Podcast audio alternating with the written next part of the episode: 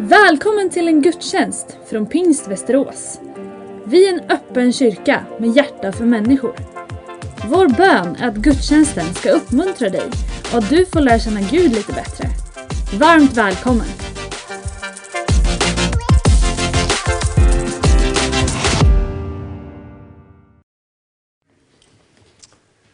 Ska vi stå upp tillsammans och läsa dagens text från evangelierna? Det är stort, vackert, ljuvt att få vara i kyrkan på första söndagen i advent tillsammans med er alla. Vi vill verkligen säga av hjärtat att du är så välkommen och vi hoppas att du känner vår respekt för dig och vi tar det inte för givet att en enda människa kommer hit. Men desto roligare då att se er alla här idag. Palmsöndagen och första söndagen i advent är som lite kusiner på något sätt. Men har varit pastor i en församling i 16 år som jag har varit i den här församlingen och predikat nästan alla första adventssöndagar så vart jag lite tacksam när jag såg att kyrkårets texter i år också har alternativ från en annan text. Så idag ska vi läsa den alternativa evangelietexten för första söndagen i advent och det är från Lukas evangeliets fjärde kapitel.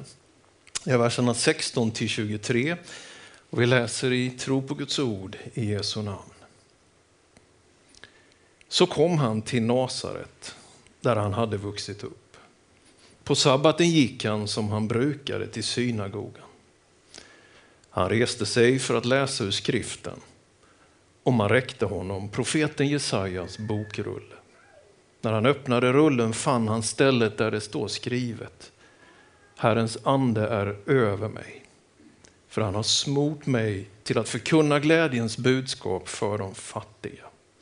Han har sänt mig att utropa frihet för de fångna och syn för de blinda, att ge de förtryckta frihet och förkunna ett nådens år från Herren. Sedan rullade han ihop bokrullen, räckte den till tjänaren och satte sig. Alla i synagogan hade sina ögon fästa på honom. Då började han tala till dem. Idag har det här stället i skriften gått i uppfyllelse inför er som lyssnar. Alla berömde honom och förundrades över de nådens ord som kom från hans mun. De frågade, är det inte Josef så? Då sa han till dem, säkert kommer ni att citera ordspråket för mig, läkare bota dig själv. Vi har hört om allt som hände i Kapernaum. Gör det här i din hemstad också. Varsågod och sitt ner.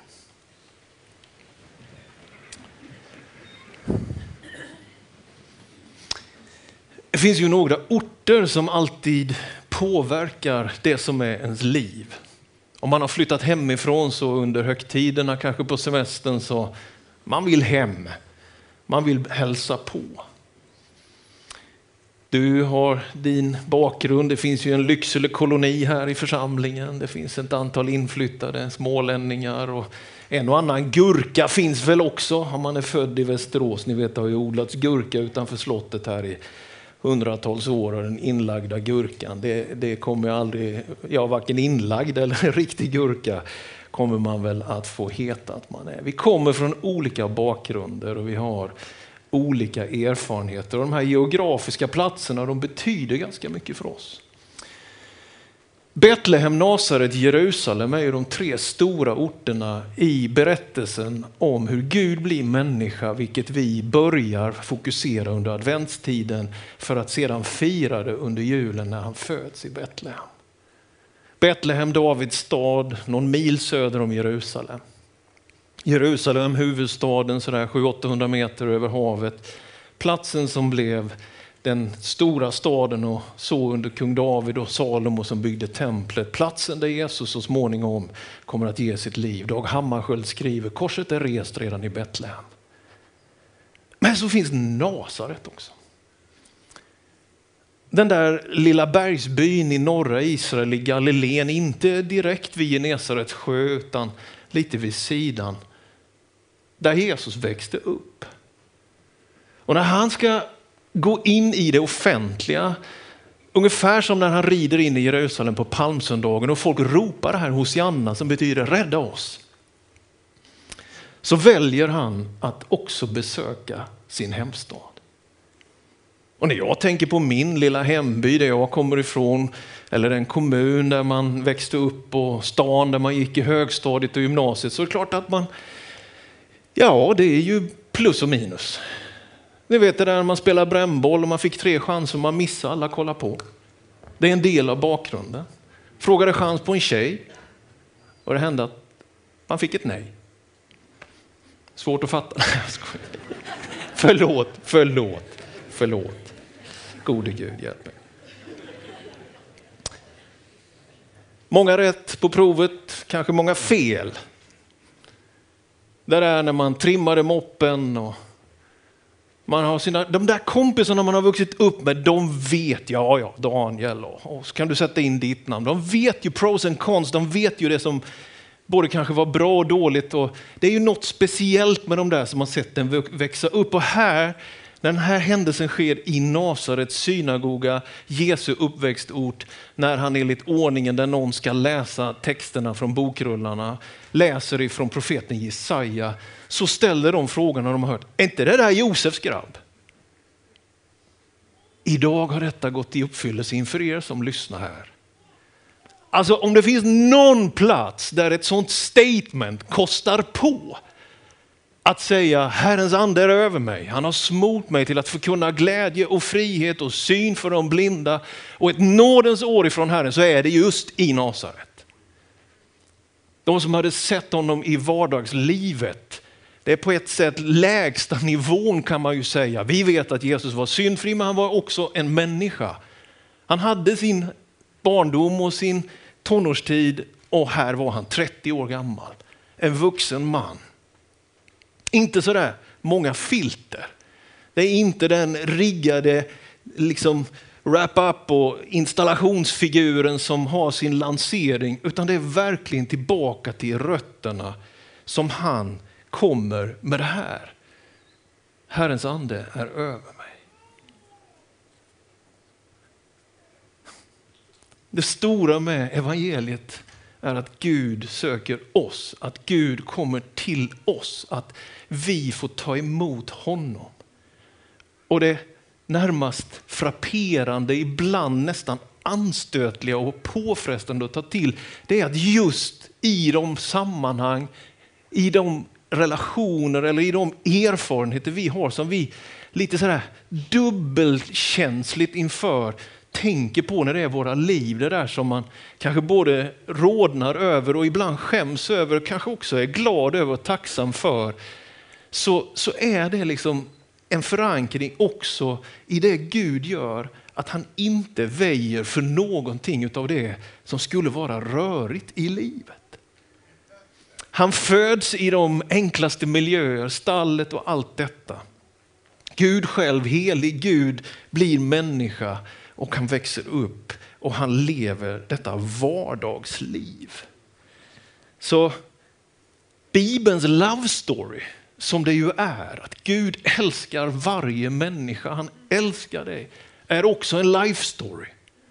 Alltså det är, det är en berättelse om höjder och dalar. Den här boken är ett dokument om tro och otro.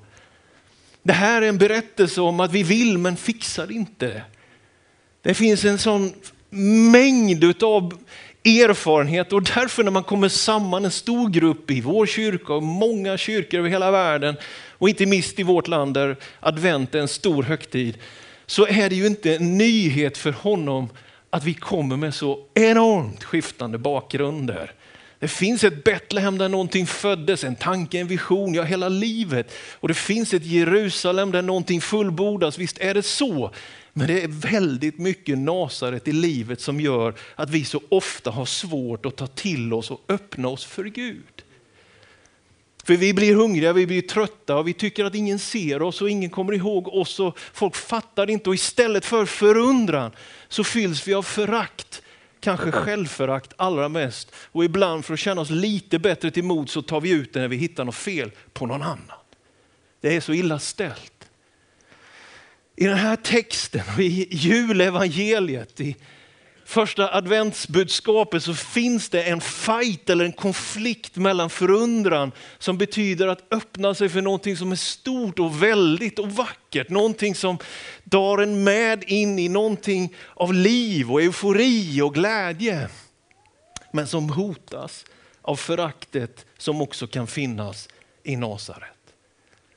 För Jesus är ju närmast provocerande och säger till de här som är där, och han känner dem väl, att ja, ja, men ni kommer snart att säga, hjälp dig själv, vi har hört om vad som hände i Kapernaum på andra platser, för vid den här tiden hade han ju varit en del i funktion. Och det slutar med en, en, en slags uppgörelse där folket i Nasaret faktiskt inte tar emot honom som den Messias han verkligen var och är. Alltså det är någonting utav ett förakt som finns i Nasaret. Och det finns ett förakt i ditt och mitt Nasaret. Därför att vi vet allt om vad vi har tänkt och gjort och vad som har hänt. Och det här lägger en våt filt, en omtöcknar oss på ett negativt sätt. Och väldigt många av oss får kämpa med det där att acceptera sig själv. Men så kommer advent och berättar om att det spelar ingen roll hur det ser ut i ditt Nasaret. Hur det var i klassrummet när du kände att inte du kunde svara på frågan.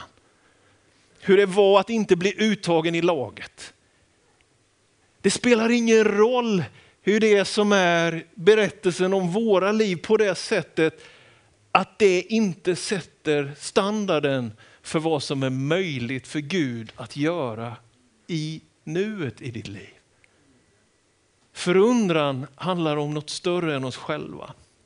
Det handlar om att öppna hjärtat för någonting som är mer än vad man själv kan skapa. Och därför är det så djupt att han läser de här orden i Nasaret.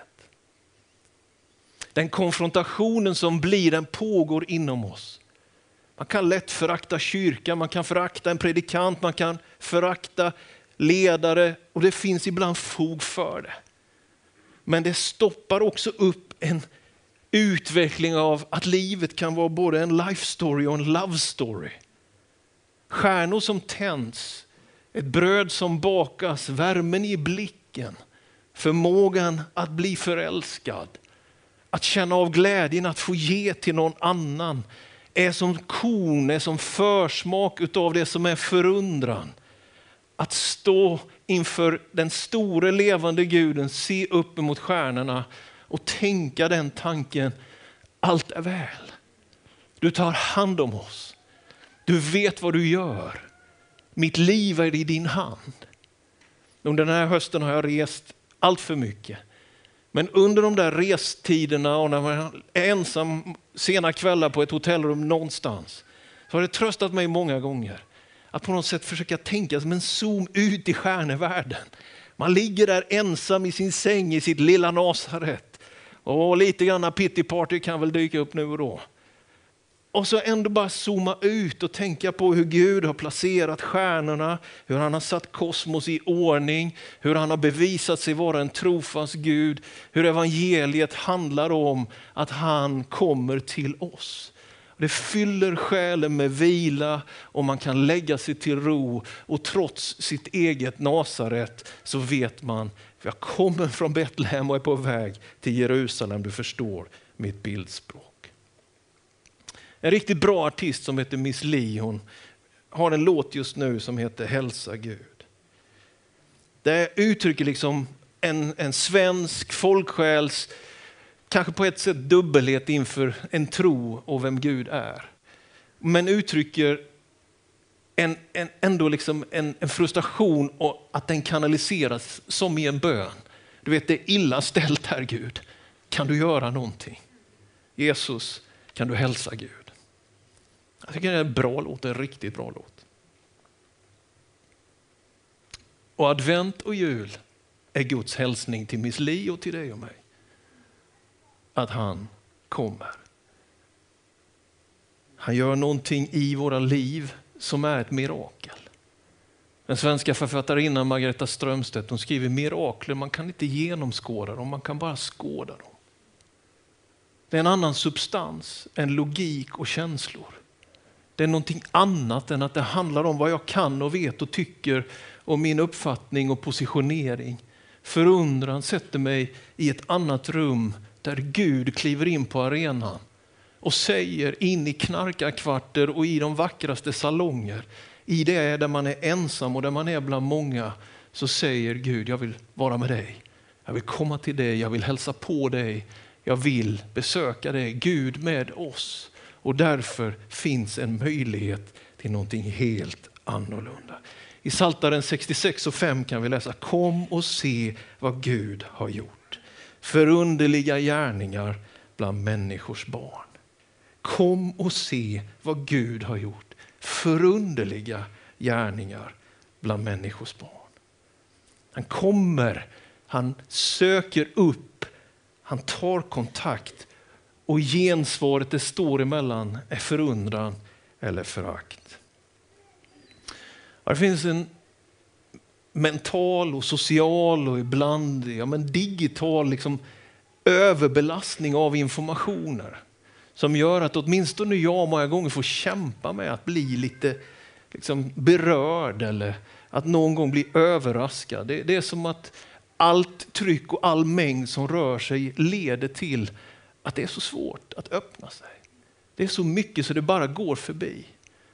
Och Jag tror att det här gör att vi, våra receptorer, våra möjligheter att erfara faktiskt är lite på något sätt begränsade i en sån här uppkopplad digital era som vi ändå lever i.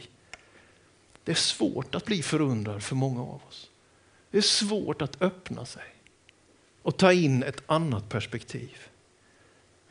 Och därför så finns det ju den här speglingen mellan första advent och palmsöndagen. Och när Jesus rider in i Jerusalem så, så är det som att då kan de se det. Då kan det projiceras. Då blir det personifierat. När Jesus rullar ihop bokrullarna i Nasarets synagoga och säger idag har detta skriftställe gått i uppfyllelse inför er som hör det så blir de stora orden, så blir de existentiella Eh, storheten, storheterna omkring liv och död, om nu och evighet, de blir möjliga och greppbara. Det förunderliga är ändå relaterbart på grund av att han kommer till oss som person. Du kan ha en personlig relation med Jesus Kristus. Du kan viska hans namn i alla livets säsonger. Du kan ropa ut hans namn. Gud på vår nivå är en person. Och Han citerar från Jesaja om ett, ett, ett skifte, om ett nådens år. Med honom kommer nåd. Hade han läst vidare, han stannar ju där och rullar ihop bokrullen. Hade han läst lite grann till så hade det kommit ord om hämnd. Men det är som att Gud sätter en paus i historieutvecklingen när Jesus blir människa och kommer till jorden och säger jag avstår hämnden. Min son kommer istället. En person att förundras inför. Men vi frestas att förakta. Och det bygger ofta på vårt eget Nasaret. Hur skulle Gud kunna, en sån som mig, hur skulle jag kunna som har gjort det här? Och jag älskar citatet av reformatorn Martin Luther. När jag ser på mig själv så fattar jag inte hur jag skulle kunna bli räddad eller frälst. Men när jag ser på honom förstår jag inte att jag någonsin skulle kunna gå förlorad. Din life story, din erfarenhet, ditt Betlehem och ditt Jerusalem men också ditt Nasaret är också en love story om hur Gud vill komma dig nära. Välsignad vare han och folket ropar Hosianna, men folket i Nasaret, det slutar ändå i förakt. Och där är utmaningen för dig och mig, vägvalet var vi ska ta vägen. Att tro på Gud, att öppna sig för det andliga, att leva med en större dimension, är att leva med förundran. Och jag unnar dig det. Att en kärlek som är evig och gudomlig, som ger ett hopp som är mycket mer än vanlig optimism, skulle kunna få landa i en personlig tro i ditt liv. Du kan komma till tro på Jesus. Du kan leva med honom. Du kan följa honom och du kan se att allt är väl. Föraktet kanske har en brygga över via förvåning till förundran. Jag vet inte var du är någonstans på skalan som är i vårt rum idag eller som är i vårt digitala rum. Kanske det pendlar mellan de här verkligheterna och de här områdena. Jag är glad idag att kunna på något sätt vara en evangeliets representant. Jag är tacksam idag att kunna få vara del av en gemenskap där fokus inte är att man kvalificerar sig, betalar sig, kan, tycker och sköter sig. Utan där man tar emot, där man ropar Hosianna och där man säger välsignade han som kommer. Han kommer till dig när du känner dig ensam i klassrummet. Han kommer till dig när du inte blir befordrad på jobbet. Han kommer till dig när det är kaos hemma. Välsignade han som kommer i Herrens namn. Inget förakt ifrån hans sida utan bara kärlek till dig. Han kommer till oss.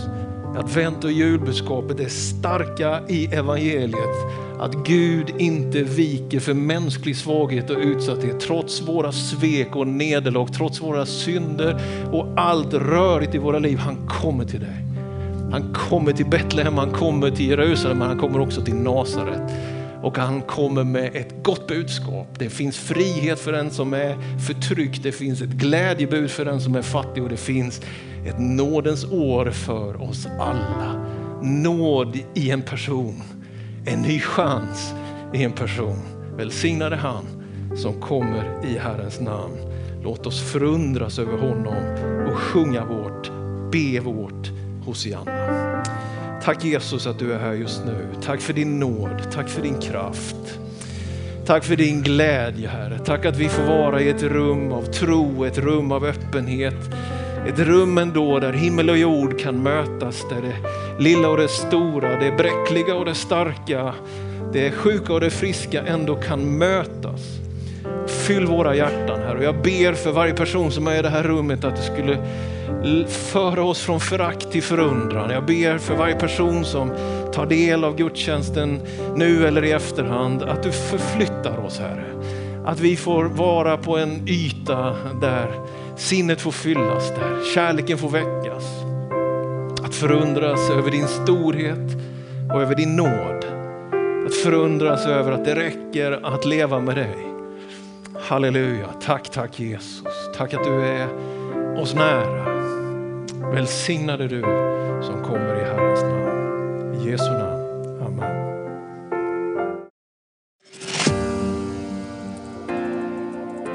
Du har lyssnat på en gudstjänst från Pingst Västerås.